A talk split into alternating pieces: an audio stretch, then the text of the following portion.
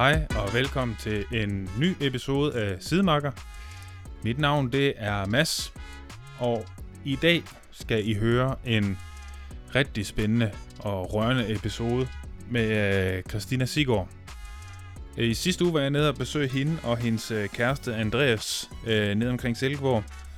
Og øh, de var simpelthen begge to øh, virkelig søde og rare mennesker. Sådan nogle, øh, hvor man tager fra og tænker, dem gad jeg faktisk godt være venner med. Men øh, mig og Christina, vi havde en, en virkelig god øh, snak om både hendes karriere øh, og sådan kvindecykling generelt. Du, øh, hvis du følger med i cyklingen, jamen, så kender du hende måske for hendes, både hendes resultater, men også øh, det, at hun har kommenteret en del cykelløb øh, den sidste tid. og øh, ja, hvis du har fulgt med altså i cykling, så har du måske overvejet, hvor, øh, hvor blev hun egentlig af? Øh, hvad skete der? Og det fortæller hun øh, virkelig øh, flot omkring i den her episode. Øh, Christina hun styrtede på cykel, slog sit hoved, fik en, en virkelig slem hjernerystelse, øh, som sådan set også påvirker hende øh, den dag i dag. Men øh, der er fremgang og spore, og det er jo kun positivt. Øh, Øh, hun prøvede længe at komme øh, i gang igen øh, med, med træningen, og der var også perioder, hvor det virkede, og så var der lange perioder, hvor det ikke virkede. Øh, men, men jeg synes næsten, hun selv skal have lov at fortælle historien. Øh, det var i hvert fald øh, sådan en snak, hvor på vej hjem, øh, det ligesom sætter, det sat gang i nogle tanker og lidt refleksion. Og det er jo, det er jo altid sundt. Øh, og virkelig en, en rørende historie, synes jeg. Øh, så, øh, så det øh, synes jeg, at I skal glæde jer rigtig meget til. Derudover så håber jeg selvfølgelig, at I har haft en god øh, pinse, og øh, har nydt det, det gode vejr, vi har haft et par dage i hvert fald. Og apropos godt vejr, øh, så har vi jo igen øh, i den her uge øh, 1216 som, øh, som showsponsor. Og øh, det er jeg jo ekstremt taknemmelig for. Jeg fik øh, tilsendt noget tøj, både til mig og øh, heldigvis også til Anne. Beklager. Og øh, faktisk så i, øh, i søndags var vi ude at cykle sammen, øh, hvor at vi øh, begge to var dressed to impress, kan man næsten sige. Jeg har i hvert fald aldrig følt mig så Leons.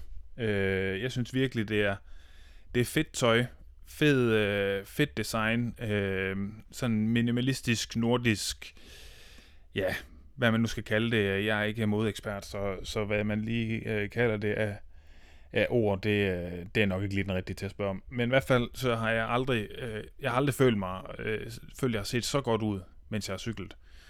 Øh, så øh, det synes jeg egentlig var ret fedt. Derudover så har de faktisk også sådan en catchphrase, kan man sige, omkring deres, øh, deres øh, hvad hedder det, cykelshorts, deres bips øh, som hedder Probably the Best Bips. Og jeg må bare sige, det kan jeg kun øh, genkende til. De sidder virkelig godt, og er virkelig behagelige på. Og som nævnt, så fik Anne også et par. Øh, Anne, hvad, øh, hvad synes du egentlig om dem? Øh, jamen, jeg var faktisk ret øh, positivt overrasket. Øh, jeg er jo lidt sådan en fusionpige, fordi jeg arbejder i øh, en, en fusionbutik. Øh, og øh, men jeg synes, at øh, pasformen var vildt god, og det kan være svært som kvinde, fordi vi ofte har lidt mere fedt på benene, end øh, de hakkede cykelryttermænd. Øh, så det der med at finde en afslutning på bibben, som faktisk sidder pænt på lårene, uden man får de der deller, som mange kvinder helt sikkert kender. Øh, og det gør de, de her bibs fra 12-16 virkelig godt. Øh, de sidder pænt og har en, den helt rigtige længde, og sidder rigtig godt op omkring øh, overkroppen, hvor vi også, øh, nogle af os, ikke mig, men nogen fylder lidt mere end andre, og især en, en mænd i hvert fald. Øh, og der sidder de også rigtig godt. Øh, og så har de mange fede detaljer. Der er en lille lomme i bibsene på, på indersiden, inden under jerseyen, øh, hvis man har nogle ting, som man gerne vil passe ekstra meget på. Øh, og så øh, puden fungerer også rigtig godt. Øh, den, øh, den sad som den skulle, og øh, og så, som masser siger, så var øh, looket virkelig, virkelig fedt. Øh, og noget mere sådan smart infusion i hvert fald. Så øh, der tænker jeg i hvert fald godt, at man kan cykle rundt i København og Aarhus i det, uden at ligne, øh, men, men man ser i hvert fald ikke alt for tosset ud. så det, det er et rigtig fedt look, de har. Ja. Ja. Fedt. Og Anne har ikke været på druk. Hun har bare været syg. ja, jeg var lidt syg. Ja. Ja. Ja. Det er sådan, at... Øh, hvad hedder det? 1216, de har også nogle sponsorer, eller ikke sponsorer, nogle ambassadører. Øh, og øh, af dem kan man nævne sådan nogle som Michel Vesterby, øh, Christian, hvad hedder han, Gyldnør, øh, Amalie Vinter Olsen, B.M. Christensen, Karoline Hemmensen, øh, Niklas Petersen. Og det vilde det er, at der faktisk, selvom at det her, det er jo, øh, i hvert fald nogle af dem er sådan ret store profiler, også nogen, som ellers nok godt kunne trække et øh, sponsorat hjem, hvor man fik lidt penge med i ryggen, så er der faktisk ingen af dem, der får betaling for at køre i det. Øh, og det synes jeg egentlig er ret vildt. Øh, det siger virkelig noget om kvaliteten af produktet. Men i hvert fald synes jeg, at øh, gå ind og tjekke det ud. Og øh, som jeg også sagde sidste gang, så er der en øh, rabatkode, og det er bare 12.16, øh, og så får du lidt rabat på dit næste køb, øh, og det kan bruges en gang per kunde. Men øh, ellers så synes jeg egentlig bare, at vi skal gå videre til, øh, til denne uges podcast med Christina Sigård. Og øh, ja, god fornøjelse.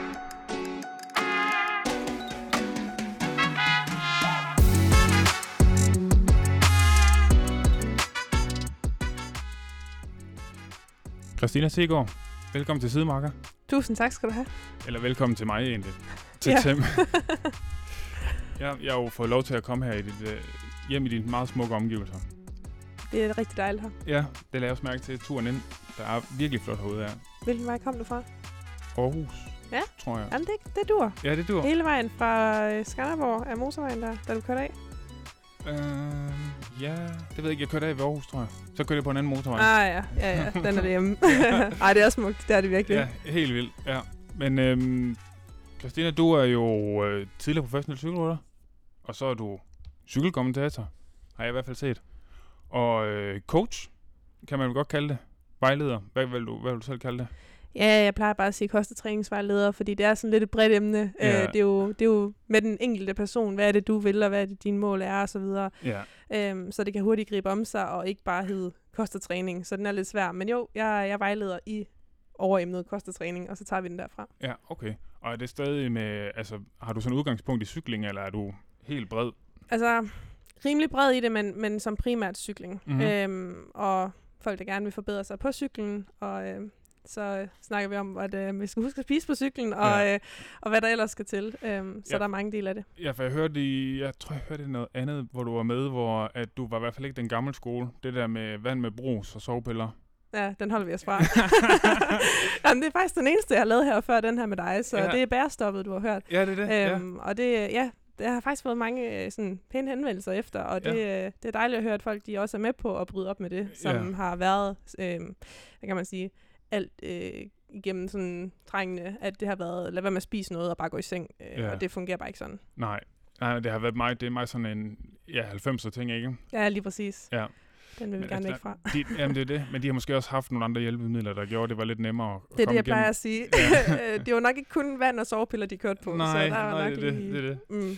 Men øh, Christina, jeg ved jo, at øh, altså for det første, så har jeg jo siddet og kigget sådan lidt på det resultat. Kan det passe sådan noget fem DM-medaljer i linjeløb og enkeltstart Ja, i noget af den stil? Det tror jeg, du har ret i. Ja, og en VM-bronze Ja. i København? Ja. Ja, sindssygt. Det var fedt. Ja, ja, det må have været vanvittigt. Det var fuldstændig vanvittigt. Ja. Også fordi jeg styrtede ugen inden, og, og var ved at være bange for, at jeg ikke kunne stille op. Altså, det var virkelig sådan, jeg kan ikke huske styrtet. Nej. Øhm, jeg kan ikke Okay. huske, hvordan jeg kom tilbage til. Jeg kan bare huske, at jeg vågnede op inde i, i dommervognen faktisk, hvor jeg bare har lagt mig ind på gulvet, for jeg var helt færdig.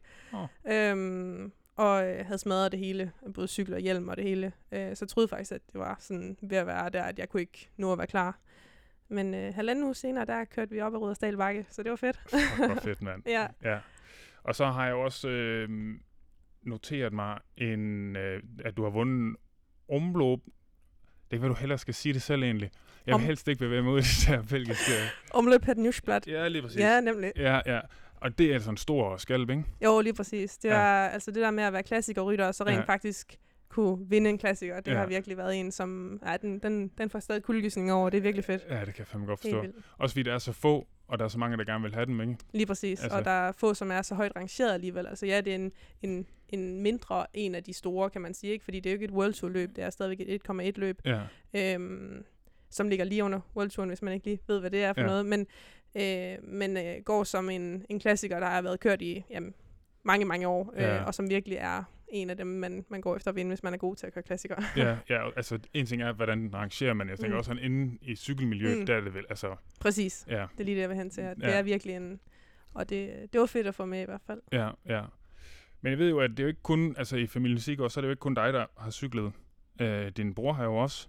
Lige præcis. Øhm, så jeg tænker, det er nok noget, I har fået ind øh, helt fra barns ben, kunne jeg forestille mig. Ja, det kom så egentlig af, min far han kørte cykelløb, øh, Ja. ja. da han var ungdomsrækkerne, der mm-hmm. kørte han et par år, øh, og stoppede så allerede inden han blev junior. Øh, men han fik den øh, ja, lyst øh, til at køre fra hans onkel, som faktisk kørte sammen med Bjarne, dengang han også var øh, ja, Okay. øh, på, øh, i gang med at komme op i hierarkiet. Ja. Ja. Han øh, stoppede så, inden han blev så god. Øh, han var med ned at være semiprofessionel nede i, i Belgien. Okay. Ton, Tony Sigård hedder han. Nå, Ja, det er min fars onkel. Ja. Farbror. Øh, morbror hedder det så, undskyld. Ja. øhm, så der kommer det fra, og øh, så spillede jeg håndbold og fodbold, ja. Da jeg var ung, og fik så en hælskade, ja. Så jeg ikke kunne det mere. Og så måtte jeg jo se, hvad den cykel den kunne finde ud af. Ja, Ja. Ej, det er sjovt, fordi jeg snakkede faktisk med Julie lidt sidste uge. Ja. Og det er lidt den samme, hun var også. Det var så atletik. Mm. Og så blev hun skadet, og så tænkte jeg, "Nå, så prøver jeg det cykling der. Ja, Ja. Men så bider det sig bare fast på en eller anden måde. altså hvis man kan lide det, så bider det sig fast. Ja, hvor gammel var du så? Jeg var øh, 13 år gammel, da 13 jeg år? begyndte med at cykle. Ja. Ja. okay. Der har ikke været mange andre piger på det tidspunkt, har der? Nej, altså, øh, jeg kan faktisk huske nu, når du siger Julie, så, Ja. øhm, så jeg boede sådan lige midt imellem to klubber, eller i hvert fald, hvor der var nogle piger i de her klubber her. Øh, der var øh, Julie Let og hendes søster Pernille Let, de Ja. var i Odder. Ja. Øh, og så var der tre piger i Silkeborg. Der var Louise Olsen og Nina Krabs Olsen og Heidi Knudsen. Og så var der øh, Fie Dein og Nina Schultz Nielsen ude i Herning. Så Ja. det var sådan lige, hvilken en af de klubber skulle jeg vælge. Øhm, men valgte egentlig bare den, der så i, i hvert fald var tættest på mig, om, som Ja. jeg kunne cykle til træning til. Ja. Øhm, så det blev Silkeborg, jeg startede i. Ja, okay. Fedt. Ja. Og så var det jo, så tænker jeg, så er det bare, så kørte det bare derud, eller hvad? Altså, så var du bare bit, eller hvad? Altså ja, det var ligesom, om jeg skulle bare køre på cykel. Ja. Øh, jeg ved ikke helt egentlig, øh, jeg kan huske første gang, jeg kom til træning, så øh, jeg har aldrig prøvet at køre nogle grupper før, så jeg kørte med min far. Ja, Øhm, og jeg fik at vide allerede der, sådan, altså jeg tror også, det der med, at man kommer som pige og kører med drengene, og de andre piger selvfølgelig, ja. Øhm, men også at kunne køl- følge med første gang, du kommer. Øhm, Ja. Det blev der sådan kigget anerkendende på, og det tror jeg godt, jeg kunne lide, at Ja. okay, jeg er faktisk god til det her, og Ja. jeg, det gør ikke ondt i min hæle, jeg kan godt finde ud af at cykle, uden at det gør ondt. Ja. Og ja, så på den måde tror jeg, det bed sig fast i starten, Ja, ja. Øh, og så blev det jo bare, så udviklede sig det, det så derfra. Ja. Så når du starter som 13-årig, altså hvad lægger man, og de cykelløb, man lægger og kører der, altså hvor lange er de så? Øhm, de var sådan noget, jeg kørte, det var ældste, jeg startede i, Ja. så det var sådan noget maks 50 km, kan Ja. jeg huske. Okay. Øhm, og det var, jeg kan huske min første cykelløb, altså, øh, jeg havde en veninde med sammen med min far, det var Esbjerg, Ja. Og øh, jeg nåede ikke engang at klikke i, før de andre de var nået to kilometer ud af startboksen. Ikke? Så det var sådan lidt op ad bakke, men altså, jeg, ja, så kørte jeg det, jeg kunne, og så ja, kom jeg da igennem løbet. Det var da det vigtigste af det, Ja. og, og havde mod på mere. Ja, ja, ja, det er det. Mm. Der sker noget også med de der, altså sådan lidt, en ting er, at de, altså sådan, det er godt med noget sådan tidlig succes på altså det der med noget, få noget anerkendelse helt fra Mm. start, altså så får man, okay, måske jeg kan. Så kan man også lidt bedre klare den der, når man så ikke lige får klar, klikket i, og de andre er... Øh, Ja. ja, ja. Nemlig. Øhm, hvad har det så tænkt? Altså, men altså, hvornår begynder du sådan at tænke i, at, altså, hvor, hvor god kan jeg blive? Altså, hvor- hvornår begynder du at tænke sådan i de der baner? Jeg tror faktisk, det kom ret tidligt, øhm, fordi jeg, jamen jeg, ja, det var først det der med at finde ud af, hvor god er jeg egentlig lige Mm. nu, og alt det her. Mm. Mm. Okay, jeg, jeg kunne godt finde ud af noget. Jeg vandt Mm. mit første cykelløb, øh, husker, det var nede i Sydfaldsture.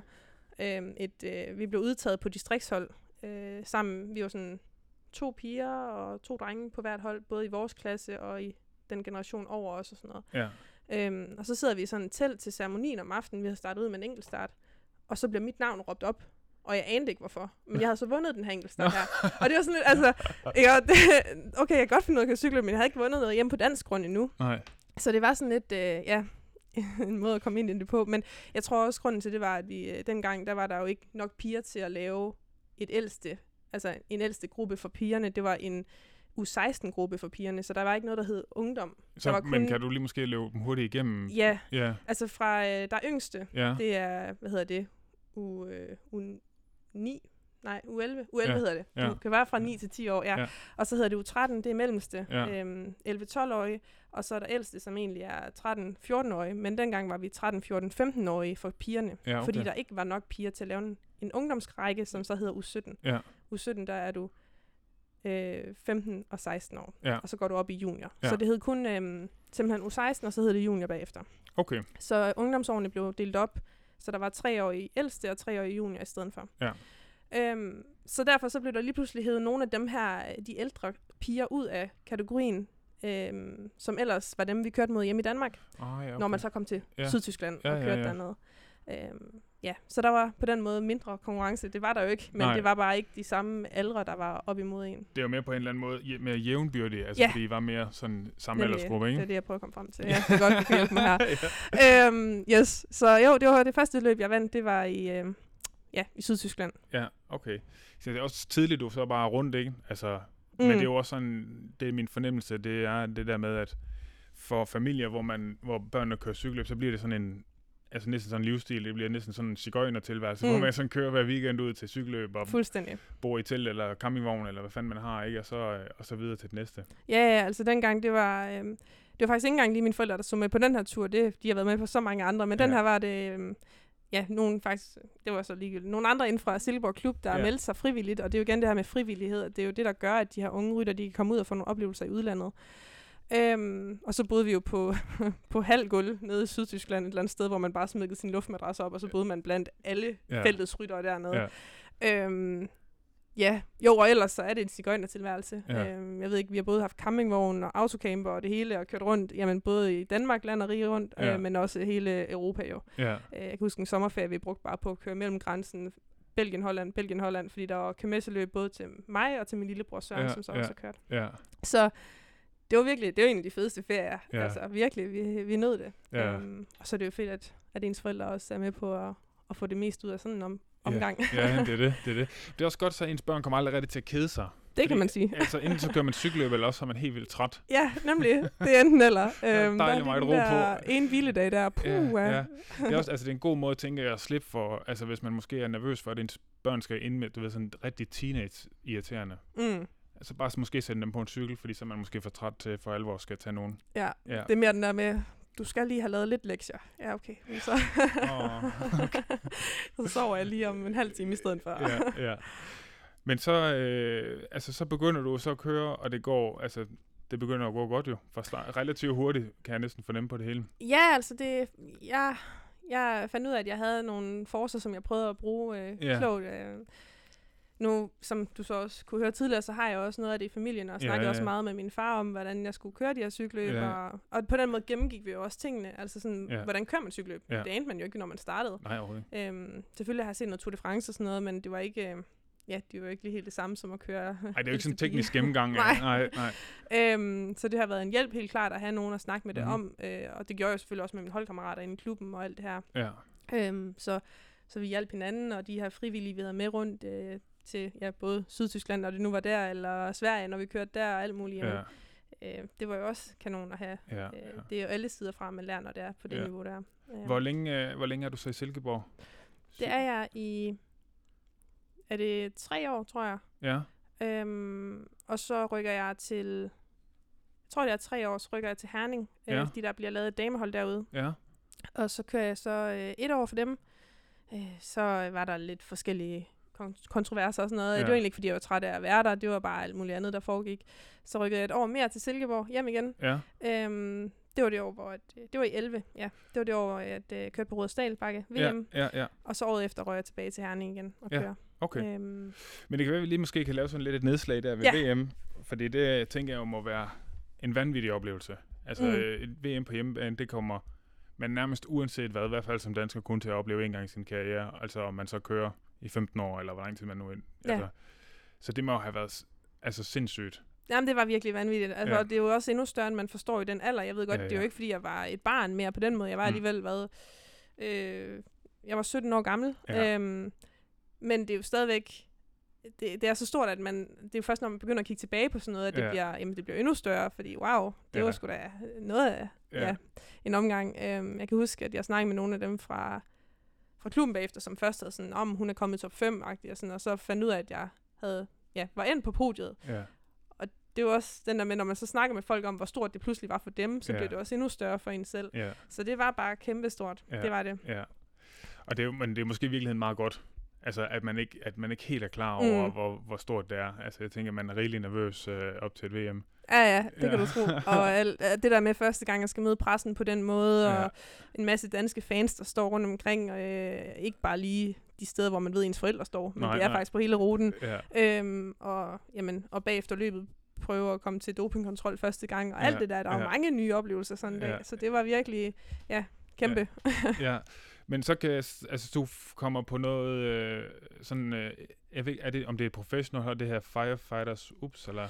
Ja, jeg starter Det må næsten ud... et svensk hold. Ja, Ja. det var det. Ja. Det var svensk-amerikansk faktisk. Nå, okay. Øhm, ja, jeg startede ud øh, for Rytger i 2013, mit Ja. første eliteår. Ja, Og der var jeg lige en gang eller to i udlandet øh, med dem som hold, og ellers var jeg nede og køre lidt kørmesseløb igen. De Ja. her Tivoli-løb, hvor Ja. du bare kører gadeløb ja, egentlig. ja, Og i, det var så i 14, ja, hvor jeg kører for det her Firefighters Uppsala, ja, øhm, som ender med at gå konkurs halvvejs ind i sæsonen. Øhm, de har egentlig lovet lidt sådan guld og grønne skove. Ja. Øhm, får da også en lille bitte løn de der første år, øh, første måned, undskyld. Øhm, men det var, ja, det skulle de så bare have ladt være med, hvis de kunne holde, holde det kørende i stedet for, men Ja. det kunne de så slet ikke. Og jamen, min mor der endte med at komme ned og være sportsdirektør på nogle af løbene, Okay. og øh, min far var mekaniker på nogle af de andre løb, og Ja. jeg fik selv en cykel en gang, hvor min far ikke kunne komme med. Jeg ringede til ham og fik den der guidance i telefonen, hvordan Ja. laver jeg lige en ny cykel, fordi den var totalt smadret efter et styrt, ikke? Og ja, der var ikke nogen hjælp overhovedet, det var Nej. der ikke. okay. Øhm, vi piger imellem havde det godt, men det var, det var så også det. Ja, Øhm, der var ikke, der var ikke styr på en skid. Det Nej, var der ikke. nej. For at sige Men er det, det, lige er det først, altså det er vel det første, nej, Rytger får du, er det sådan, øh, altså det er også elite så, eller hvad? Ja, det var nemlig mit første år, øh, Ja. ja. kan man sige, U23. Det er jo ikke rigtig en kategori for damerne. Det bliver Nej. det så i år, Ja, ja, heldigvis. Det kan ja. vi komme tilbage til. Ja, ja, ja. øhm, men ja, det var mit første eliteår. Det var Ja. ja. i 2013 for Rytger. Men hvad så, altså når du, da du så sad der og tænkte, okay, nu får du sådan en kontrakt, eller hvad man, jeg ved, altså man laver vel en kontrakt ligesom? Ja, hele du skal skrive under på en kontrakt. Ja. Ja. Øhm, altså det her, altså begynder du så at tænke altså om du kan gøre en karriere ud af det, eller?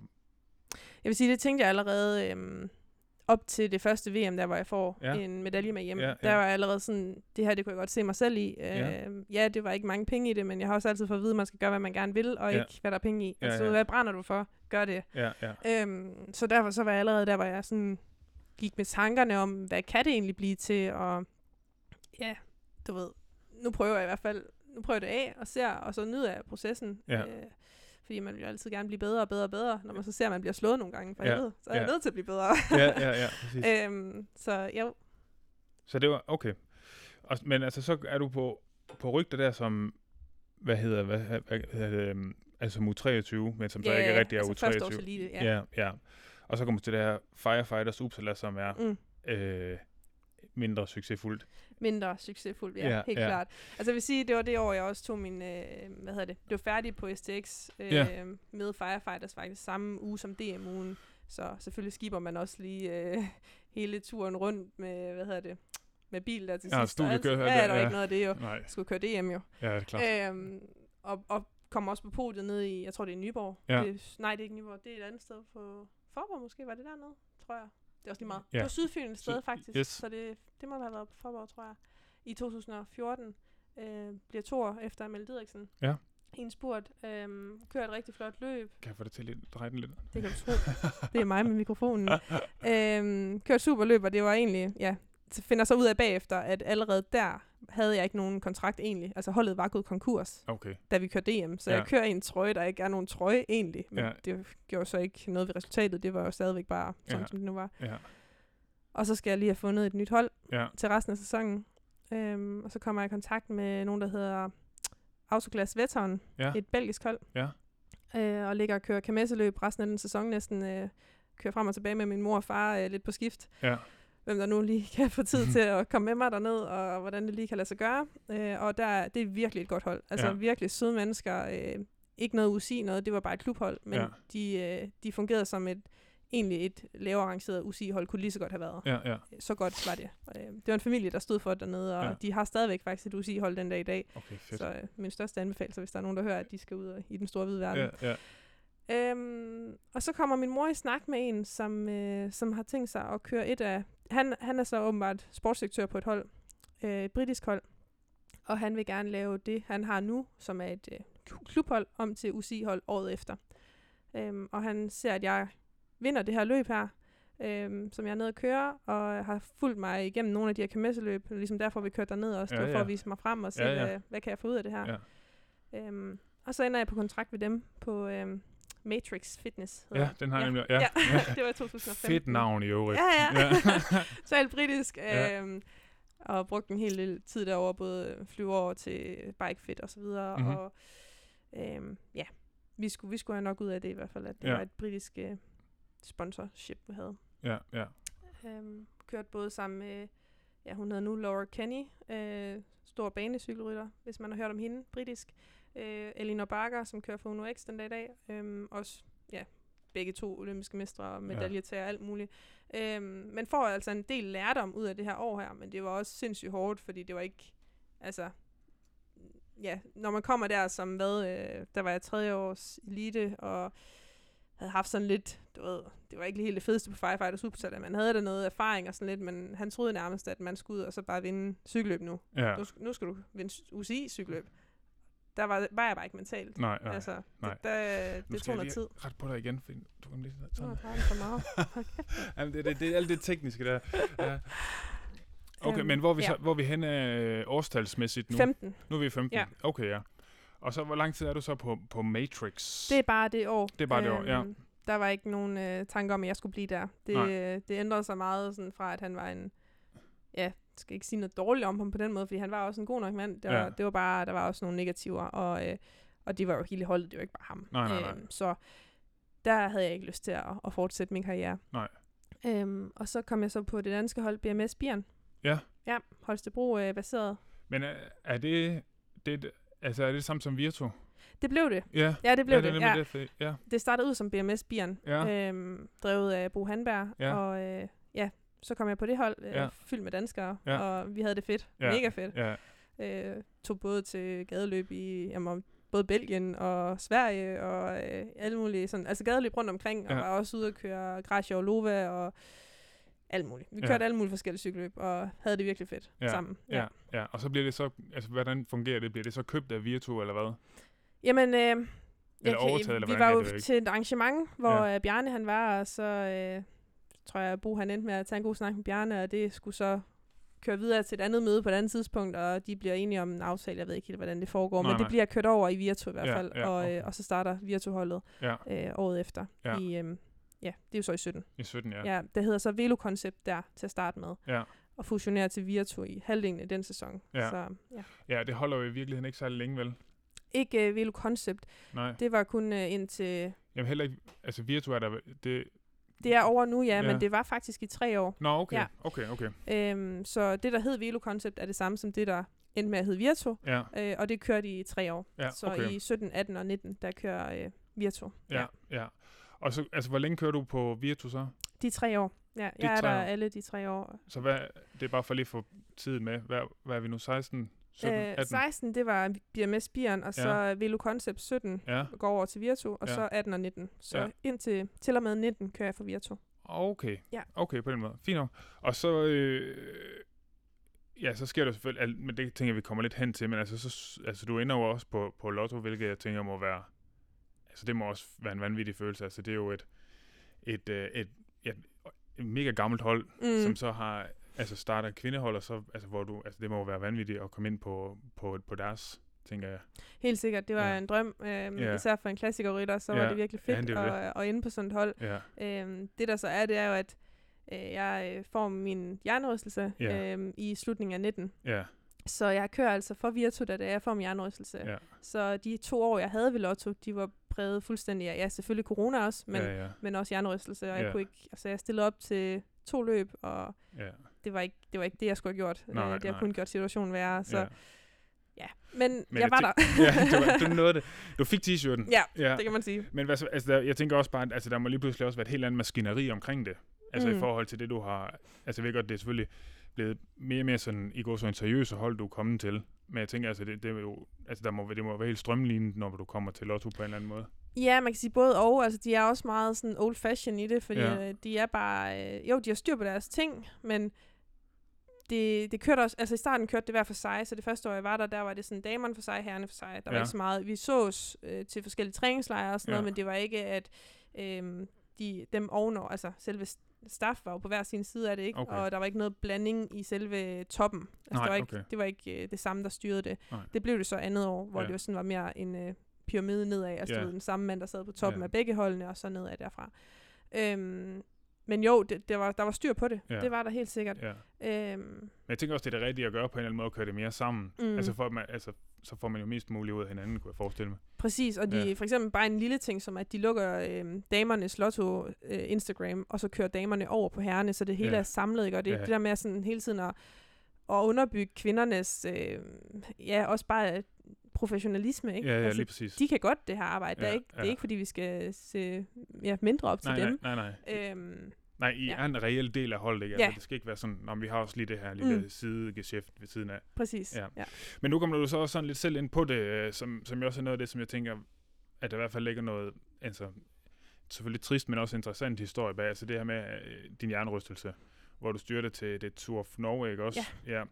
ja. Øh, og slår hovedet. Ja. Ja, og så stiller du stadigvæk op dagen efter. ja, selvfølgelig gør man ja, det. ja, ja, det, er det, det, det, så længe der ikke er noget alvorligt brækket, så prøver man. Ja, ja. Ja, øh, men altså, hvor tidligt, øh, hvor tidligt mærker du det, at der, der er et eller andet her, du lige måske skal have undersøgt? Altså, øh, efterfølgende vil jeg sige, at jeg er blevet øh, klogere og klogere på, at det var tidligere, fordi når jeg nu Ja. har skulle forklare alle mulige, for eksempel forsikringsselskaber, hvornår sker det her, så har jeg været inde og kigge på, hvornår jeg egentlig styrter. Jeg kan slet ikke huske det her. Altså, Nej. jeg kan ikke huske, hvornår jeg styrter. Nej, okay, ja, det er måske øhm, også meget Øhm, interessant lige få med. Jeg, jeg er tilbage og kigge på de her videooptagelser. Det bliver sendt på tv, og Ja. tilbage og kigge, og det, det er åbenbart øh, 39 km før mål. Ja. Jeg havde troet, det var sådan noget, du ved, lige inden finalen. Okay. Jeg, kan, jeg kan huske, at jeg kører bagefter, men jeg kan ikke huske, hvordan og hvorledes alting er foregået. Okay, så du, og- kan, nej, du, selvfølgelig kommer du op på cyklen, ellers Ja, ja, kan du ikke stille op til start. Nej, det er Ja, okay, ja. Øhm, så, så der kan man sige, det var sådan en, en del af det, at ja, jeg kan ikke huske noget, men det har man jo også prøvet andre altså, cykler, hvor man sådan har styrtet, og der er lidt bl- blackout. Der, Ja. Altså, Ja, hovedet vil helst ikke huske den der traume der. ja. Øhm, ja, men jeg kan huske lige, da det sker. Det er det, jeg kan huske. Jeg kan ikke huske cykelbed ellers. Nej. Så, okay, så du kan øh, faktisk huske styrtet. Jeg kan huske, da styrtet sker. Ja. Sådan, lige da det sker, men jeg kan ikke huske, øh, hvordan jeg kom op fra grøften. Jeg Nej, kan ikke huske... Resten øh, er nej. væk. Ja, okay. Øhm, og så øhm, har jeg sådan lidt i løbet af den aften, Ja. men det er mere, da jeg vågner dagen efter, hvor jeg sådan tænker, puha, altså, ja, du ved, kvalme mest af alt. ja, så det er sådan en klassisk øh, jernryst.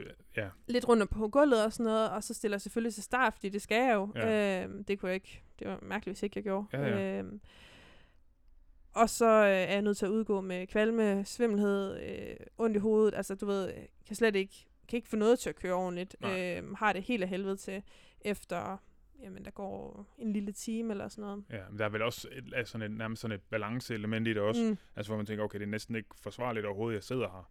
det føles sådan. Ja, ja det er det. Ja, ja. ja. Øhm, og så tænker jeg, ah, men det kan også være, at jeg bare er lidt syg, og du ved, sådan, det kan være, det er det. Ja. Jeg havde slet ikke tanker på, at det var en jernrystelse overhovedet. nej. Øhm, Nogle gange reagerer kroppen jo også bare sjov på et styrt, ikke? Altså man Det kan er godt det. føle sig syg, fordi man har egentlig har styrt Ja. det, og hvor man ikke engang nødvendigvis har slået hovedet. Også det, ja. Ja, det ja. har man jo prøvet mange gange. Ja, ja, så det det er er sådan, hvad er det her? Og mm.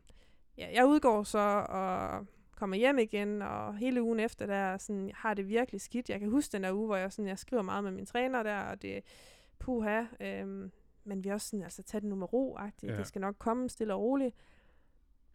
Og så bliver det egentlig bare værre og værre. Øh, men, der, men omvendt, så, så kan jeg også være i det på en eller anden måde. Jeg ved, jeg ved ikke, hvad der sker. Altså, jeg Nej. kan være i det, jeg prøver at træne igennem det. Øh, jeg er selvfølgelig nødt til at trække mig ret meget, men får også kørt nogle okay træninger. Ja. Man sover det mere og, og har hovedpine og sådan noget, men, men føler heller ikke, at det er alt overskyggende. Øhm, indtil tre uger efter, hvor jeg sådan virkelig ikke kan noget som helst. Altså, hvor at, øh, ja, jeg tror jo stadigvæk, at jeg skal til VM. Det er det Ja, eneste, jeg ja, har i hovedet. ja, Ja. Jeg skal til VM, jeg skal blive ved med at træne. Jeg kan sagtens klare det her. Selvfølgelig kan jeg klare det. Ja, ja. Det er jo bare et dumt styrt, og det ja. tænker jeg ikke, at det er derfor, jeg egentlig har de her eftergener. Jeg tænker bare, at jeg er træt, fordi jeg har trænet hårdt. Ja, en lang sæson og alt det der. Præcis, ja. det hele. Øhm, men ender så med at vil afbyde til VM øh, tre dage før, Ja. øhm, fordi jeg har været ved lægen, og, eller faktisk så melder afbud, inden jeg har været ved lægen. Jeg siger, at jeg kan simpelthen ikke, jeg har kun fået det værre. Ja. Der må være et eller andet her. Så tager Ja. jeg til lægen, og så siger de, at du har en hjernerystelse. Så er ikke længere. Så det er faktisk først tre år efter, du får... Ja, jeg får at vide, at det er en hjernerystelse. Okay, Ja. hold op. Der er bare gået og... Ja, jeg ved ikke, hvad jeg skal sige, fordi jeg kan næsten ikke huske noget den periode, Nej, nej, nej, det faktisk, kan for at være helt ærlig. Øhm, men, øh, og, og perioden efterfølgende, der kan jeg også bare huske, øh, der boede jeg et sted, hvor der var en kælder. Jamen, Ja. Der lå jeg meget i den her sorte kælder, bare Ja, lukkede øjne. der var Øh, mørkt. ja. Ja, gik nogle små ture, men dem jeg gik, det var med, hvad hedder det, høretelefoner på med noise cancellation, så jeg ikke kunne høre noget. Altså det Ja. var virkelig sådan, bare en bil, der kan forbi mig, og jamen, det mindste solskin, altså det, og sådan har det jo været lang tid efter. ja, ja. Så Hey, okay. det er, ja, hvis man mærker de der ting der, så er, man, så er man virkelig nødt til at gøre noget ved det, også hvis man føler, man er pyldret, så hellere bare tjekke op på det, inden Ja. øhm, at man driver den for langt ud. Ja. ja, men også fordi det er hjernen, Mm. altså den kan man ikke rigtig få skiftet eller noget. altså, Nej. er, er det, er, sker der noget deroppe, så er det, skal man tage dem til seriøst. ja, Men altså du, så går du, så kan man sige, så går du vel på off-season, altså Ja. tænker, okay, nå, så trækker jeg stikket, og så øh, går det vel over. Ja. Øhm, og så i mellemtiden, så får du vel lavet en kontrakt med så Lotto. Ja, øh, jeg skrev faktisk under lige, lige inden VM der. Mm. Mhm. Øh, der. Jeg havde jo snakket med dem Mm-hmm. op til, selvfølgelig fordi jeg vidste, at Virtu ikke fortsat, Ja. øh, og havde egentlig styr på det hele med dem. Ja. Øh, har skrevet under og alting. Øhm, ja, og så vil jeg jo gerne være klar til det, fordi nu skal jeg ud og vise mit nye hold, hvad jeg kan. Klart. Øh, og begynder stille og roligt at træne op igen. Øh, har rigtig god hjælp fra Team Danmark ind i Aarhus også. Øh, der bor jeg i Aarhus, og Ja. ja. kan tage hen til dem en hel del. Så det altså er sådan meget, i forbindelse med hjernen? Ja, hjern- med okay, hjernerystelsen. Så det er både øhm, fys, altså Mhm. mm-hmm. i forhold til, hvor meget kan jeg holde til. Det er, jeg snakker med lægen derinde en gang i ugen, for de er godt klar over, at det også kan være en altså, mental påvirkning af, at øh, det kan gå ud over noget psykisk Mm. lidelser bagefter. Ja. Øhm, så ham snakker jeg med bare lige for at tjekke op sådan løbende, hvordan går det. Mhm. Mm-hmm. Altså sådan, egentlig også bare en ekstra, øh, hvad kan man sige, det er jo ikke noget, han behøver at gøre, men de, de passer på mig og prøver Ja. at gøre, hvad de kan. Ja. Øhm, ja, og jeg prøver stille og roligt at komme på cyklen sådan 10 minutter i gangen. Så skal jeg ligge mig imellem de her 10 minutter, for eksempel 5 minutter, ligge mig på sofaen 5 minutter mere, se hvordan det går.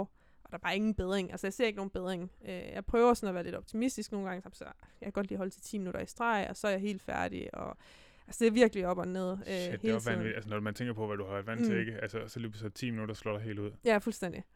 Øhm, og jeg ved, ja, jeg ved ikke. Det var, det var virkelig en hård periode. Ja, jeg kan godt for- Men også det der med, at du, altså, trods alt sådan efter styret, så har du de der tre uger, hvor du alligevel prøver at køre på. Mm. Så du har, altså, Ja, det er jo ikke, fordi jeg er i dårlig form. nej, det er Det. Og det. det er jo ikke, fordi jeg ikke har kunne holde til noget af det. Nej, Øhm, men det er også ligesom om, når jeg så også på en eller anden måde giver hjernen lov til at, ja, så at mærke, at det er der. Mm-hmm. Øhm, men det er jo den klassiske, man prøver at køre på og prøver at glemme det der, der lige er sket for en. Ja. Og så, øh, ja, på et eller andet tidspunkt, Ja, så indhenter det. så indhenter det. Ja. Ja. Lige præcis. Ja. Jamen, det er jo lidt ligesom, øh, altså det med, man, hvis man lige skal til en eller anden helt vigtig eksamen eller et eller andet, så er det jo tit, at man bliver syg bagefter, mm. Eller sådan et eller andet, fordi ja. Ja. at man sådan virkelig bare har kørt på, ikke? Præcis. Ja, og så når man egentlig kan slappe af, så kommer alt bare Mm. med dobbelt styrke. Jamen, fordi at, det er jo ikke, fordi jeg ikke havde haft de her symptomer lige præcis, men, men det var bare ikke øh, den her... Øh, ja, jeg tænkte jo, jeg er power men jeg kan godt holde til det her, Ja, ja, ja, for jeg er ja. independent. øhm, så, så jeg havde ikke tænkt, at det skulle på den måde nogensinde påvirke mig så meget, fordi nej, det, det gør det jo ikke. Altså, Nej. ved man, det, det er jo bare ikke noget, man selv styrer. Nej. Øhm, ja. Så jo, det, det kom lige pludselig bare med øh, så mange kilometer i timen, man ikke kan drømme om det. Ja. Og øh, samtidig ville man bare gerne det hele, og øh, Jamen også fordi, altså uanset hvad, må, man, må du også se det som en kæmpe mulighed. Altså at komme på et hold som Lotto, ikke? Altså, Mm. altså jeg kan godt forstå, at den vil man bare ikke misse. mm, Altså kæft en chance, ikke? Altså det skal virkelig gribes, den her. præcis. Øhm, men altså du ender jo, du sagde, du skal ende med at stille op til to løb i hvert fald. Ja. Så er, altså, der må også på et eller andet tidspunkt begynde at sådan, ske i hvert fald et eller andet. Jeg var både til hypoxibehandlinger, hvor man får sådan Ja, det lidt ligesom, ja, Ja, sådan tynd luft. Lige præcis. Ja, ja. Øhm, jeg har været ved neurolog i Aarhus. Mhm. Øhm, virkelig dygtig også. Var på forskellige medicinkurer og sådan noget. Øhm, var ved forskellige øjenlæger. Øhm, var jamen, øh, massører, ja. ja, kiropraktorer, alt muligt. Fyser. Øhm, var ved øh, en øh, neuroskillsmand også. Og de har alle sammen været virkelig dygtige. Og jeg føler, at de har taget hånd om mig og taget mig seriøst hver gang, men det har bare... Ja, det har ikke hjulpet. Nej, nej. øh, det det skulle i hvert fald, så er det meget lille grad. Og for eksempel hver gang jeg kom på den her medicinbehandling, så jeg kunne mærke, at der ligesom har været et gennembrud i starten, Ja. men så er det gået over i at falde ned i det samme hul igen. Ja, okay. Øhm, og det er lidt det samme, jeg har oplevet ved, ved de forskellige behandlinger. ja. Øhm, ja, og så var det også bare, det blev også ved med stress, at man prøver forskellige behandlinger, og det virker ikke, og øh, man vil gerne hele tiden de her nye behandlinger, fordi hvad nu hvis, og hvad nu hvis. Ja. Øhm, ja, så man kan sige, det blev jeg egentlig ved med i ret lang tid igennem 2020 også. Øhm, men der, der kommer corona så også undervejs, og ja. Ja. det giver mig også den her, sådan, der, så kan jeg i hvert fald tage presset af skuldrene, samtidig med at jeg arbejder med de her ting. Øh, fordi der ikke er nogen, der kan cykelløb. Ja, ja, ja. Altså, det var jo mega hårdt at sige, men, men corona, det, det, det kom bare godt for mig der. ja. Så ingen Øh, FOMO lige Nej, pludselig. præcis. Ikke noget med, at jeg ikke kunne stille op, men Nej. der var ikke nogen, der stillede op til Nej, noget. Øhm, og øh, ja, så prøvede jeg bare at se, om jeg kunne finde en eller anden træningsrytme igen, og det var hele tiden sådan noget, så kunne jeg træne måske stille og roligt træne mig op til, ja, kunne køre x antal et eller andet timer, og så måtte jeg bare stoppe igen. Altså, så, så gik det, det var ligesom sådan en pyramide. Jeg nåede lige toppen, så skulle jeg træne mindre, mindre, mindre igen, fordi jeg tænkte, "Jamen, så kan jeg nok lige holde den ja. inden jeg skal, altså uden at skulle stille cyklen. Øhm, men for så alligevel at skulle stille cyklen, fordi det blev værre og værre og værre. Okay. Øhm, så der har virkelig været sådan noget op- og nedgang hele vejen igennem. Og nok også fordi, at jeg hele tiden har underkendt det lidt, når jeg så endelig kunne træne lidt mere, så ville ja, jeg bare så, gerne. Ja, så fik og, den bare lige lidt. ja, du ved, så kunne jeg lige, ah, så kan jeg også lige klemme en interval ind, fordi så kan jeg i hvert fald lige rykke mig det ekstra stykke, ja, og ja. der er man bare aldrig rigtig klog på egne vegne, når Nej. man står i den situation. Nej. Nej, det er man godt nok ikke. Så øh, ja, i, det ender så med at blive februar øh, 2021 faktisk. Øhm, der øh, er jeg nødt til at, at ringe til min mor og sige, at hun skal hente mig. Ja. Øh, jeg havde kørt to timer, og jeg kunne bare ikke mere. Jeg, Nej. jeg kunne ikke holde til mere. Nej. Øhm, helt færdig, Ja, brudt sammen, øh, og så, så stillede jeg cyklen faktisk. ja.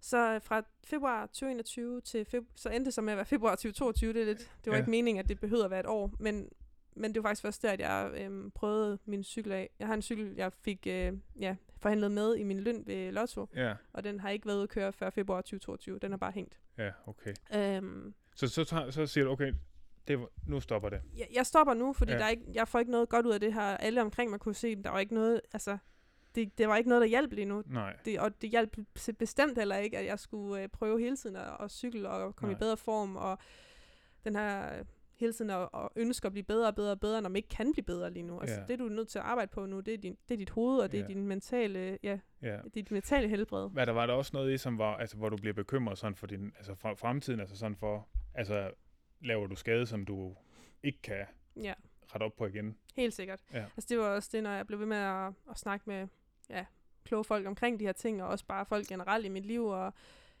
der var mange, der lige pludselig også begyndte at, at, ligesom at sætte de her sådan, scenarier op for mig. Ja. Altså, du er nødt til at tænke på dit videre liv. Ja. Det er jo ikke bare lige nu. Nej. Øhm, og det gjorde da helt sikkert også en impact, og det er man nødt til også at tænke på. Ja. Altså, det, det er bare pisse svært, når man står i det selv og tænker, Ja. jeg vil bare gerne, og jeg har stadigvæk kontrakt, og det er Ja. jo først her i slutningen af sidste år, øh, 31. december 21, at min kontrakt med Lotto rent faktisk udløb. Ja. Øhm, så, så jeg har jo hele tiden haft den der med, hvad nu hvis, og det kunne Ja. jo være, og alt det her. Øh, og det var jo også hårdt at være i sidste år, fordi de, de ville jo gerne, at jeg på en eller anden måde kunne vise, at jeg kunne træne. Ja. Men det kunne jeg ikke. Nej. Altså, jeg, der havde jeg bare valgt, at jeg var nødt til at vælge mig frem for alt muligt andet. Ja, selvfølgelig. Så det var, det var hårdt, Ja. det var det. Ja. Okay, så det, altså februar, så siger du, okay, Mm. det var det. Altså er det sådan en helt, du tager sådan en definitiv beslutning om, okay, det, det er mit, det er det for nu. Altså, Altså, for hvis jeg- professionel øh, cykling. Nej, nej, det gør jeg ikke. Nej. Nej, det er nærmere bare, at jeg er nødt til at stille cyklen. Ja. Øhm, det der med, at jeg er nødt til at ringe til min mor og blive hentet øh, 15 km fra at være hjemme, det var virkelig sådan en, okay, Ja. øh, når jeg skal hentes, Ja. altså, du ved, fordi det går ondt i mit hoved, fordi jeg kan, jeg kan ikke sidde på cyklen og se lige, det hele det svimler, og ja. jeg har kvalme, og jeg har hovedpine, så er der nok noget, der er nødt til at, at, at laves om nu. Ja, ja. Fordi det er ikke bare den eneste gang jo, selvfølgelig. Nej, nej. Øh, jeg har kørt hen over det der mange gange, men at jeg så altså er nået dertil, hvor jeg er nødt til at ringe til hende og, og få, ja, og komme hjem. Ja, ja, det var ligesom sådan en, der, der gik det op for mig, at jeg var også nødt til bare at gøre noget helt andet. ja, ja. Ja. Okay. Shit, mand. Så det var, ja, det var tough, og det var, altså, så heldigvis har øh, mig og min bedre halvdel været god til at få det bedste ud af livet øh, Ja. ved siden af, og, Ja, og jeg vil så også sige, at jeg er lykkeligere nu, øh, end jeg nogensinde har været, men, ja, men selvfølgelig vil jeg gerne stadig kunne køre ordentligt på cykel, hvis det var det, jeg kunne. ja. Øh, men det kommer vi også til, men det, ja, ja, ja. Men altså, hvad så... Øh, altså, fordi så har du så... Altså, du har i hvert fald taget en pause fra cyklen på et års tid, hvor man siger, okay, så har det i hvert fald ikke været det stress for dit hoved. Mm. Og så er du begyndt at være cykel lidt igen i februar, eller hvad? Ja, Ja. Øhm, jeg, øhm, jeg havde sådan, du ved, det der med, at man har en ting, som er lidt, det, det ender med at blive et torturredskab at se på en cykel, fordi det Ja. er hver gang, du sætter dig på den, så gør det ondt. Ja. Øh, der er hver gang, du sætter dig på den, så er der et eller andet, der ikke er nice. Ja, Øhm, om det er hovedet, eller om det er svimmel, eller om det er før, under eller efter, eller hvad det er, ja. så har det bare ikke været en fed ting Nej, nej, nej. øh, op til det her punkt, hvor jeg er nødt til at stille den. Ja. Så der gik også lang tid, før jeg overhovedet tænkte, at øh, det overhovedet var noget, jeg gad. For, Ja. øh, Ikke at jeg, jeg vil godt have drømmen om at sidde på cyklen i et felt og være i Ja. god form og Ja. have det fedt. Ja, Det er fedt. ja, Men at komme dertil med den situation, jeg var i, og den ja, position ja. med mit hoved og sådan noget, den kunne jeg slet ikke se mig ud af der. Og det var slet ikke fedt, at Nej. jeg skulle op på den. Nej.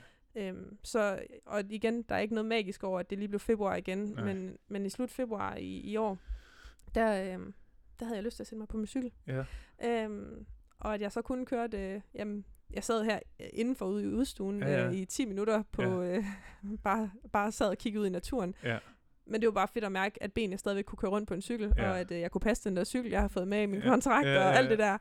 Ja. Øhm, ja, så det var sådan vendepunktet i, at jeg i hvert fald synes, at, at cyklen var, var en fed ting igen. Ja. Ikke at jeg ikke har haft de der små momenter undervejs, men, men det har virkelig været sådan en...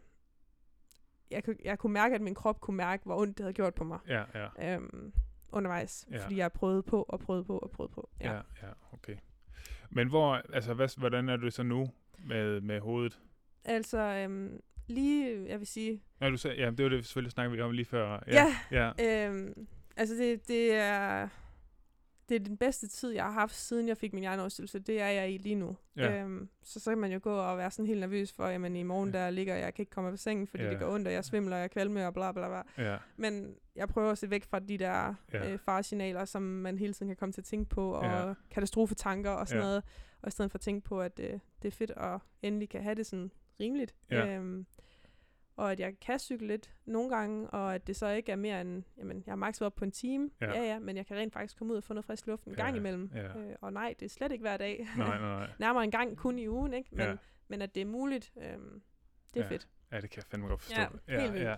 Jamen, det er det, der kan jo være udsigt til nogle, måske nogle gode øh, bagerstopsture Mm, mm, hen over bestemt. sommer. Ja, ja, ja. Ud, og, ud og få en kaffe og noget. Ja, nemlig. Ja, der er jo mange fine steder inde omkring Silkeborg, hvor man lige kan så kigge lidt ud over søen, mens man lige... Det er også det, jeg tænker. Altså Ja. ja. lige sådan 20 minutter til Silkeborg, så sidde Ja. ja. på café i, jeg ved ikke hvor lang tid, og så Ja, kan man i rulle hjem. Ja, ja, i tøj- tøjet. Ja, så tæller Tiden i det. tøjet, der tæller, Ja, lige præcis, lige præcis. ja, så bliver det godt. Men altså, øhm, noget af det, som jeg også tænkte, vi kunne, der kunne være ret interessant at snakke med dig om, også fordi nu har du selvfølgelig været i sporten så længe. Øhm, og øh, jeg tænker, altså du har må have ekstremt mange også venskaber, der stadig er aktive og sådan nogle ting, og at du har jo også lavet nu noget cykelkommentering og sådan noget, øh, så det, der er jo ikke nogen tvivl om, at du følger meget med. Mm. Øhm, og man ser jo lige nu en, en sådan virkelig spændende udvikling i kvindecykling. Øh, hvor jeg tænker, at du har fået din første kontrakt, og det, altså du har selvfølgelig haft lyst til at se, altså, hvad kan du gøre med det her. Øh, men det der med sådan at kunne lave, altså leve ordentligt øh, for, for, øh, som kvindelig cykelrytter, det, det er jo ikke noget, der er, det er jo en relativt ny ting i hvert fald. Meget, ja. Ja. Øh, men altså det kan være, kan, hvordan, hvis man kan sådan på en eller anden måde tage sådan lidt nogle overskrifter sådan henover i den tid, du har været i cykling, altså hvad har du sådan ligesom set af skift? Øh, og måske også, måske også lidt det her, hvad der kommer først, fordi det er også sådan en ting, man snakker meget om det her med, med, med kvindecykling. Hvad, hvad skal man gøre for ligesom at udvikle? Er det mere mediedækning, der giver flere sponsorer, der giver flere penge, eller er det bare, at der er nogen, der bliver nødt til at ofre nogle penge, så det bliver mere professionelt, så det bliver bedre cykelløb? Altså rækkefølgen i det på en eller anden måde. Altså jeg kan huske, øh, det der var meget snak om lige omkring, da jeg startede faktisk, det var den der med, at, øh, at alle herrehold skulle have et kvindehold. Ja. Øhm, så kom finanskrise og alt muligt ja. ja. gjorde, at det ikke blev til en regel. Ja. Det er ikke noget, der skal være. Ja. Øhm, men jeg tror alligevel, at det, at mange af herreholdene er begyndt at, Mhm. mm-hmm. at lave kvindehold, Mhm. det tror jeg, der har gjort en kæmpe forskel til Ja. at starte med i hvert fald. Okay, men så ser man rent faktisk, altså nu bare for at sige, øh, nu har vi danske ryttere på øh, både øh, Movistar Ja. og Trek og Uno X, ikke? Ja. Øh, der er vi både danske damerytter og herrerytter. Ja. Øh, mega fedt at kan følge med i det samme hold, der har øh, både herre- og damerytter. Ja, ja. Og det er et kæmpe skridt fremad, som jeg tror rykker noget. Ja. Øhm, der har selvfølgelig været nogle andre, der har gjort det også før det her. Øhm, nu kan jeg ikke lige huske, hvem nogle af de tidligere var, det er så en anden sag. Men, Ja. men bare det, at flere de ligesom følger trop. Øhm, at der så også er det her kæmpe ryg i, hvor mange der begynder at lave... Nu er det jo rela- relativt set, ikke? Det er Mm. jo ikke, fordi der er hundredvis, men hvor mange øhm, damehold, der kun har damehold, som også har succes til det, altså Ja. med det, Ja. og, og gå den vej, det er jo så også noget, der igen giver et andet perspektiv. Så Ja. hvad der er bedst, og hvad der kommer først og sådan noget her, den er sådan lidt svær, men, men jeg tror helt sikkert, at hernesport, der har været så populær, og derved kunne hive noget fokus over på kvindernes del af det også, den har været en, en god øh, starter til det. Ja. ja, for jeg tænker også, at når man... Altså, det er jo nemmere at lave en ny, hvad skal man sige, vinge på din, den forretning, du allerede har, Mm. som altså, er et mandecykelhold, end det er at starte noget helt nyt op. Ja. Altså, det er nem, nok nemmere for uh, Movistar at sige uh, til uh, deres største sponsor, Movistar, vi er ikke lige smidt flere penge, så laver vi også et damehold, end Ja. det er at skal starte noget helt fra, fra bunden af. Så det giver jo meget god mening at lave det den vej rundt, men det er jo også virkelig fedt, at der jo så også er nogen, der kan, kan køre sådan udelukkende kvindehold. Mm. Ja. Begge dele, det er jo, det er jo noget, der gavner sporten. Ja. Øhm, så vil jeg så også sige, i forhold til at bygge det op og gøre kvinderne mere attraktive, i forhold til at folk gider se på det. Mm-hmm. Øhm, en ting er, at kvinderne er mere professionelle, og de Mm. vil det, og de rent faktisk også kan leve af det. Øhm, der kommer minimumslønninger, alle Ja. de her ting her, det bygger jo op om, at det er en mulighed. Øh, men at arrangørerne også følger med på det her. Ja. Altså nu for eksempel i år ser vi en, øh, en 8-dages Tour de France for kvinderne, Ja. der ikke bare, altså, nu siger jeg, nu skal det ikke lyde som en negativ ting, men det ligger ikke under herrenes. Nej. Og det har både været godt og skidt. Jeg tror, det er meget sådan, det er selvfølgelig lidt øh, nerve-wracking, at det kører på et andet tidspunkt end herrenes, fordi så skal folk vælge det til Ja. øh, aktivt, og ikke bare sådan, fordi de lige kommer til at tænde for tv'et en time før, at herrerne de skal i målagtigt. Ja. Men jeg tror også, det kan gøre noget godt, øh, fordi det ligger lige i forlængelse af. Den dag herrerne Ja. ja. slutter på Champs-Élysées, der starter damerne på Champs-Élysées. Ja. Ja, fordi ellers så, Øhm. så, først skulle det jo så dele opmærksomhed, kan man sige. Ja. Nemlig. Ja. Og det kan, der kan nemlig både være godt og skidt Ja, ja. ved begge dele, så ja, jeg ja. glæder mig til at se den udvikling Mhm. og se, om det kan bære det, om, det er, om vi allerede er der. Ja. Øhm, ja, og så ellers så Vueltaen har jo også haft den kørende for, for kvinderne i en del år nu, Ja. og bliver også ved med at, ja, at have det. Ja, Øh, så der sig. også de her, at Grand Toursene, de ligesom også viser, at øh, kvinderne er velkomne, og vi vil dem gerne. Ja, det tror ja. jeg da også har noget at gøre med, at vi stille og roligt opgraderer. ja, ja. Ja, for det, er også, det var faktisk også en ting, jeg snakkede med, med Julie om der. Øh, det der med, at, at tidligere var der jo mange, øh, altså hvor de, altså det var jo sådan på motionistplan næsten, fordi at man blev nødt til at have et fuldtidsjob mm. ved siden af, eller i hvert fald noget delt et eller andet. Ja. Øh, det der med, at man, der lige begynder at være en økonomi, øh, som gør, at man kan committe sig til det. Ja. Altså det gør jo også det der med, at så er der ikke lige pludselig en, der bare ligger og kører fra hele feltet øh, med 150 km igen. Ja. Øh, altså det gør det lige, altså det, på den måde så er det jo også, altså det gør det mere sådan, det planer mere feltet ud, ikke? Mm. Altså der har været en, der måske har været heldig at kunne få en god kontrakt, øh, og det har måske været en håndfuld, der kunne på det Ja. tidspunkt, men nu er det så næsten øh, hele feltet, der lige pludselig får en god kontrakt, ikke? Jo, i hvert fald World Tour-delen ja. af det. Ja, ja, ja. Og det er jo det, der gør den, øhm, som du selv siger, den store forskel. Men bare det der, det behøver ikke at være, at der er, altså forskellen fra, om der er nogen, der kan putte flere millioner på deres bankkonto, eller om de faktisk bare kan få lov til at leve af det, Ja. og ikke skal have et andet arbejde. Det er næsten det, der gør forskellen, ikke? ja. Øh, fordi hvis der er nogen, der skal ja, stå nede i Rema i øh, 10 timer om dagen, for så også at træne det, der Ja, skal til ja. for at være på World Tour, nej, så kan det ikke lade sig gøre. Nej. Øhm, men hvis man i hvert fald bare kan få det bare minimum, og, og få en, den her minimumslønning, Ja, ja. øhm, jamen så kan man leve af det, og så Ja. kan det lade sig gøre. Ja. Og ja, det er måske ikke til for altid, du kan putte på bankkontoen, men du kan rent faktisk betale din husleje Ja. og, og få mad i køleskabet. Ja, jeg skal ikke nødvendigt, altså sådan stress over det, og lige Mm. hive et eller andet ekstra ind, for at det kan køre rundt og sådan noget. Præcis. Ja, ja. ja. Fordi det er jo også... Øh, hvad fanden var det, jeg tænkte på? Den er væk. Ja, den er helt væk nu.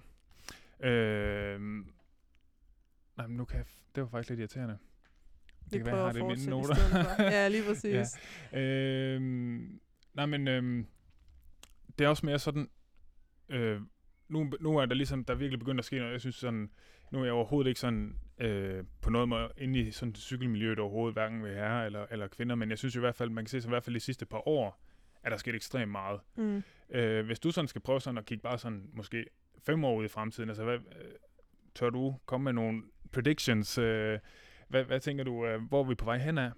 Jamen, øh, jeg håber jo, som jeg også sagde med den her Tour de France, altså at, Ja. at de her, de her etabeløb, øh, de, og generelt endersløb også selvfølgelig, men, men at de ligesom bliver ved med at, at være der, og, og kan bære at være der. At det ikke bliver sådan en, øh, ja, fa- fail and error med Ja. det samme, øh, en engangsforestilling, og så er det ude af verden igen. At det faktisk kan bære at være der. Ja. Øhm, og så også, at øh, vi skal stadigvæk have noget mere professionel, professionalisme nogle steder. Ja. Øhm, jeg snakker minimumslønninger, men det er kun ved World Tour rytter lige nu. Mm. Det skal også fortsætte, så det også bliver på kontinental niveau. Ja. Øhm, så mangler vi jo også bare, at der bliver ved med at komme flere rytter op. Det gør der, ja, men, Ja. men det er nogle gange lidt tyndt noget. Altså, ja, men det var faktisk, nu kan jeg huske, ja, det var. jeg kom med det. det jo det der med sådan, at øh, i herrecykling, så har man Mm. jo sådan kunne gå tilbage til, altså der er jo, øh, altså bare sådan med danske briller, så har der jo været danskere, der har klaret sig flot, altså i 30 år. Mm. Altså Mm. sådan, øh, der er en lang historie, øh, hvor man har kunne, øh, kunne kigge til nogen, som har gjort det til en levevej, og som har fået ekstrem anerkendelse Mm. mm. på at vinde øh, Bjarne, der vinder turen, eller øh, nogle, altså alle OL-medaljer, vi for eksempel har vundet på banen og sådan nogle ting, øh, masses VM-titel og sådan nogle ting, øh, hvor at, øh, jeg tænker også, at det der, altså, og det, det giver jo, blandt unge drenge, så giver det, okay, det, det er da noget, jeg skal, Mm. skal prøve af det her, øh, og det er jo faktisk, øh, det, lad mig satse 100% på det, så kan det være, at jeg kan lave en levevej ud af det. Ja. Jeg tænker også, at det må også være noget, hvor, at den udvikling, man ser nu, også kommer til at gøre, altså, at det starter helt dernede, hvor man, okay, der er faktisk et eller andet, der går efter her, som, som pige også. Det tænker jeg helt sikkert. Ja, fordi at, at, at da du har startet som 13-årig, hvad, hvad har du haft af, af forbilleder inden for cykling? Altså, jeg kan huske, mit største forbillede, det var Fabian Cancellara. Jamen, det er det. Ja. Ja, det, er det. Øhm, så var der også Marianne Foss, Ja. ja. Og, men det var de to. Altså, Ja. det var det. ja, Så den var ikke... Øh, og det er svært at relatere til er det. Fabian Kassel. Han, han har nogle store ben. Det har han. Ja. Det har han. En voldsom stor mand. Ja. Det, øh, altså det, øh, omvendt vil jeg så også sige, det, det er jo også noget, der, øh, der måske kan blive på en eller anden måde mere... Det er jo en tid, vi lever i lige nu, hvor det er muligt også at kunne sige, at det er ikke fordi, der ikke er nok kvinder at se op til, men det er faktisk fordi, jeg synes ham, at han er mega cool, og det er fordi, Mm. at jeg er et eller andet. Men omvendt kunne det jo også være, men øh, en, en, en ung øh, cykelrytter, øh, U- U17-dreng, et eller andet, whatever ved jeg, der kan se noget op til en kvinde. Altså ja. det Ja. er det der med, at også kan vende den om, at det ikke Ja. kun behøver at være den anden vej. Ja. Øh, og det håber jeg også kan lade sig gøre. Ja. Fordi så er, vi en, så er vi en tid, hvor det er, at det er, altså så er det den her famøse ligestilling, vi kan snakke om, Ja, øhm, at det ikke er noget, der er, bliver set ned på, eller et eller andet. ja, ja. Øh, og det mærker jeg jo allerede også i, i det fag, jeg er i. Altså, der, der er en masse mænd også, som kommer nysgerrige til mig, og som gerne vil have min viden. ja. Det ser jeg jo som mega stor skridt den vej også. Altså nu, nu snakker vi brede emner, ja, ikke? Og, ja. men, men at jeg også tror, det kan smitte af ned i, for eksempel at en U17-dreng, han synes Marianne Foss er sindssygt sej. Ja, ja. Og det tror jeg faktisk, de fleste kan genkende til, at ja, hun ja, er. ja, Øh, ja, Så den er ikke ret meget længere. Nej. Vi er der jo allerede. Det er bare med, at det skal fortsætte den vej. ja, ja. Øhm, Og blive så, bredere, ikke? Ja, nemlig. Ja. Så at jeg har set op til Fabian Cancellara, ja, det er, det er jo den der med, jo, han er en mand, og ja, jeg kan ikke komme til at køre helt lige så stærkt som ham. Øhm, men det kunne være federe, hvis der var flere ja. Ja. at vælge mellem af kvinderne også. Men at jeg så samtidig har haft ham, Ja, ja. eventuelt sammen med en anden kvinde også, Ja. eller et eller andet, hvad jeg Ja. nu synes var sejt. Mega fedt. ja. Øh, og det håber jeg, at den udvikling kan Ja. fortsætte også. Ja, fordi det, altså, men det er også mere, jeg tænker også mere over i den der med, at så man kigger på Mm. Fabian Cancellara, som jo var et øh, fysisk unikum. Ja. Ham har vi jo alle sammen set op til. Ja, ja, ja. Men, men det der med sådan, at, at øh, så har man siddet der som, som ung pige og tænkt, kæft, det er fedt, det vil jeg med, gerne. Ja. Men altså, jeg ved ikke, hvordan at det nogensinde skal kunne, Mm. kunne rende rundt på nogen måde. Også altså, den vej, altså ja. så bliver man nødt til at skal være studerende ved siden af, eller det tænker jeg også er meget gængs, at man er... Ja, er ja. det, Jamen, jeg har gjort det samme. Så Jamen, det. det er det, det, er det ikke?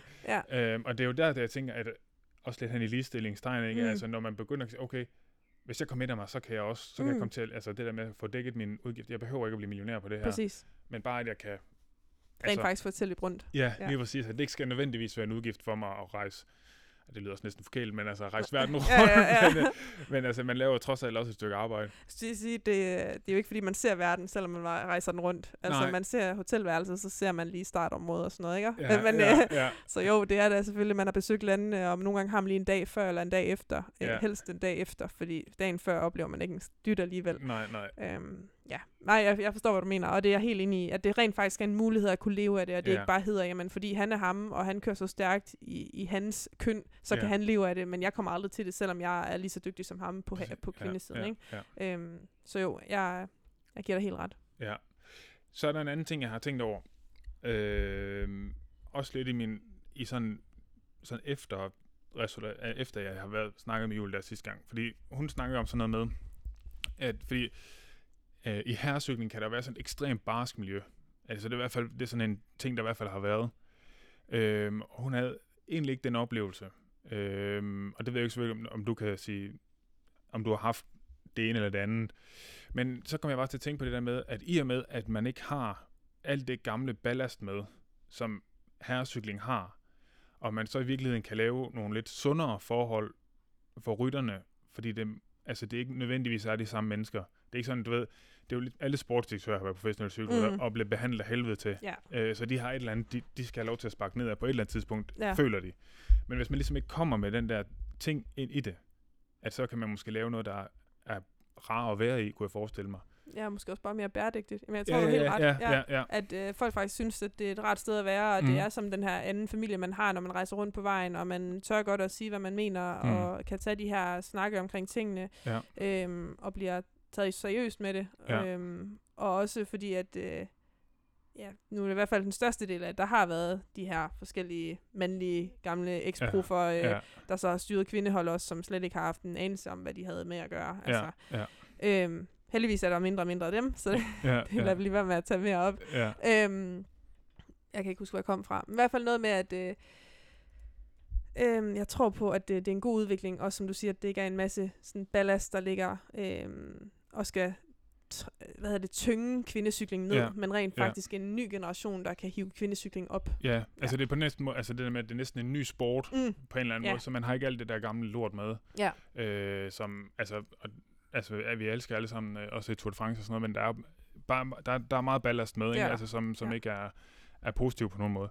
Det er det. Øhm, og så tænker jeg også lidt, også, øh, du er uddannet kost, hvad hedder det, kostvejleder? hedder, øhm, hvad hedder det, jeg har en bachelor i, ernæ- bachelor i ernæring og sundhed. Ja, så Præcis. det hedder sundhedsprofessionel, hvis vi skal tage den. Nå, ja. det er fint. Meget, meget, meget fint. Ja, det er godt. Øhm, fordi en ting, der jo også har været rigtig meget oppe, Mm, især ikke sådan kvindelig elitesport, det er alt det her med sådan kropsidealer. mm, Øh, og det tænker jeg også er noget, man må have set, altså du må have set mange eksempler på, både nogen, der har har haft rigtig fint styr på det, og så nogen, hvor det overhovedet ikke har været. Og jeg ved jo, at det også er en ting, der fylder ekstremt meget, også i, i herrecykling. Ja.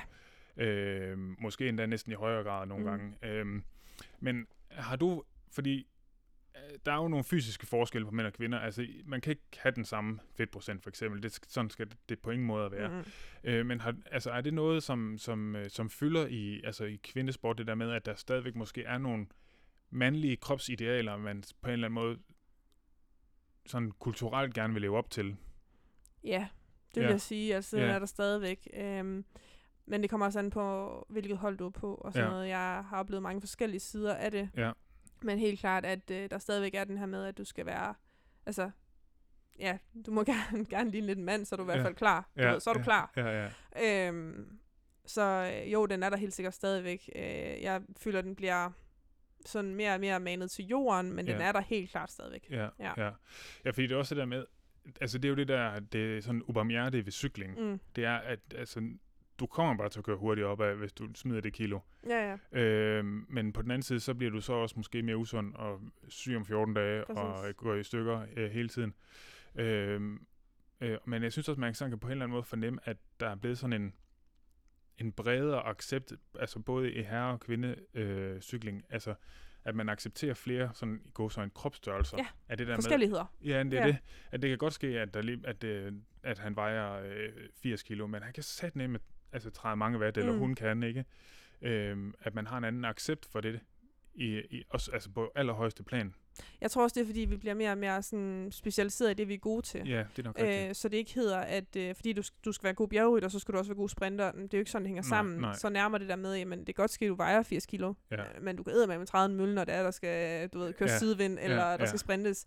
Øhm, og ja, du er ikke bjergrytter, men Ja. hvis du så skal køre der, så er det gruppetto-tid. Øh, ja, ja, ja, ja. og, øh, og så må du gøre, hvad du kan nede på det flade i stedet for. Så jeg Ja. tror, det er også mere, ja, jeg, jeg ser, hvad du, hvad du siger, og Ja. så tror jeg mere, det er det der med, at det bliver opdelt i, du har din egen øh, force, ja, det giver og, god mening. og det er mere og mere okay, at du har den force. ja, Så er der stadigvæk nogle allrounder, som er gode til det meste, ja, men de bliver så heller aldrig helt spids gode til det hele. Nej. Øhm, så øh, at det bliver mere og mere en accept af det, og, og er du sindssygt, det er noget, jeg også arbejder meget med, med dem, jeg også øh, arbejder med til daglig. Altså det her mig. med, det er ikke altid det kilo øh, mindre, der gør dig god. Vi er nødt til at finde ud af, hvor du er øh, sundest ment, som, hvor du kan holde dig fri fra sygdomme Ja. ja. og, og øh, stærk og performer bedst. Ja, ja. Øhm, og det hedder ikke altid 80, det hedder nogle gange 83, eller whatever. ja, ja Hvem ja. du er, ikke? Ja, ja, ja. ja. Men det giver meget god mening, altså som du siger, det der med, at man specialiserer sig meget mere. Mm. Altså også, at, øhm, at man får så meget, altså det ser man jo sådan helt, altså det med, at du får så meget mere specifikke roller på et hold. Altså okay, du er ham, når der så er sidevind, så skal du bare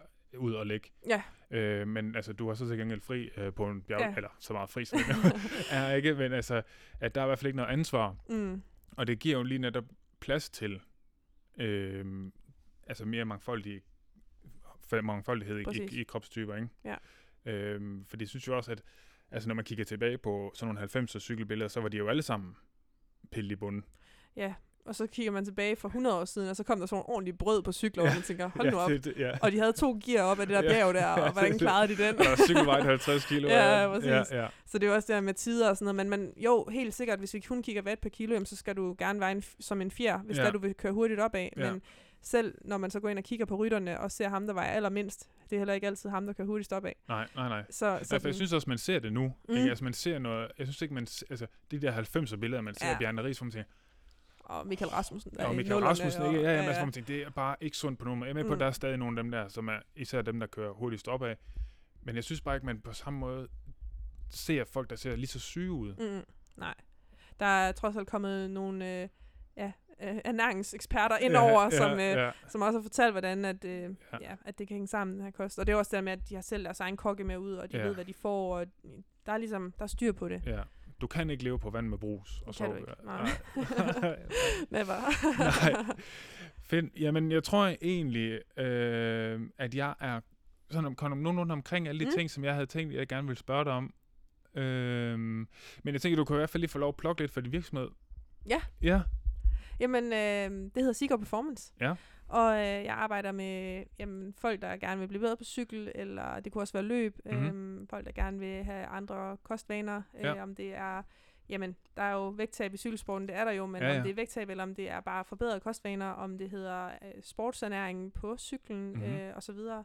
Så det er sådan, øhm, og igen, det er også det, jeg siger, når folk ringer til mig, og jeg snakker med folk, det er meget, meget bredt, fordi Ja. ja. kommer du ind til mig, og du har brug for, øh, du vil gerne køre med mod, og, øh, og du skal, du skal stå- skarpt, men hvordan gør jeg det? Jamen, ja. øh, først og fremmest så går vi ind og kigger på, hvad spiser du på cyklen for eksempel, ikke? Ja, ja. Øhm, nå, okay, men vi kunne faktisk godt op det her indtag. Ja. Men det er der jo ikke protein i, eller det er der protein i, eller Ja. ja, men du skal gøre sådan her, fordi det er der rent faktisk. Ja, ja. Der er rigtig mange sider af det. Øhm, så er der jo også den mentale del og menneskelige del. ja. Øhm, er du syg, eller har du noget, der driller øh, af arbejdet? Øh, ja, du er hængt op på arbejdet, hvad gør Ja. vi så? ja. Så der er rigtig mange ting i det. Ja, og, ja. og det er der, hvor vi går ind og kigger på mennesket, og det er det, jeg synes også er fedt jo. Ja. Jeg gider jo ikke bare sende de her planer ud. Det er jo ikke det, som jeg øh, arbejder for Nej, nej, nej. øh, og lever for og synes er nice. Det er virkelig at give den viden videre og erfaring videre, som, som jeg selv har oplært, og så selvfølgelig den uddannelse, jeg har, altså at Ja. få det til at, at stemme overens. Ja.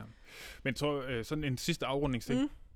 De fleste, når de er ude at træne, spiser de så ikke for lidt? Jo, det gør de fleste. Ja, ikke? Det er erfaring, jo. ja, Det ja. gør de fleste. Og de fleste, de lader være med at spise under træning, fordi de gerne vil tabe sig, og Ja. ja. så, øh, så kan man jo hurtigt stille sig selv et spørgsmål, hvor man ender hen klokken 9 om aftenen. så det er det, jeg lige plejer at tage med folk, når de kommer. Ja, det er- er- og det er en færre sag. Sådan Ja. er det, hvis du ikke har fået det, som kroppen har brug for, jamen, så er det der, man ender. ja, ja. Øhm, men hvorfor ikke give det, kroppen har brug for, når den har brug for det? Ja, så kan du måske endda køre lidt bedre. Det er det. undervejs. Det er Ja. lige præcis det. Klasse. Jamen, tusind tak for din tid. Velbekomme. Det var, en fornøjelse. Ja, det var det nemlig. Og tak for kaffe. Ja, velbekomme.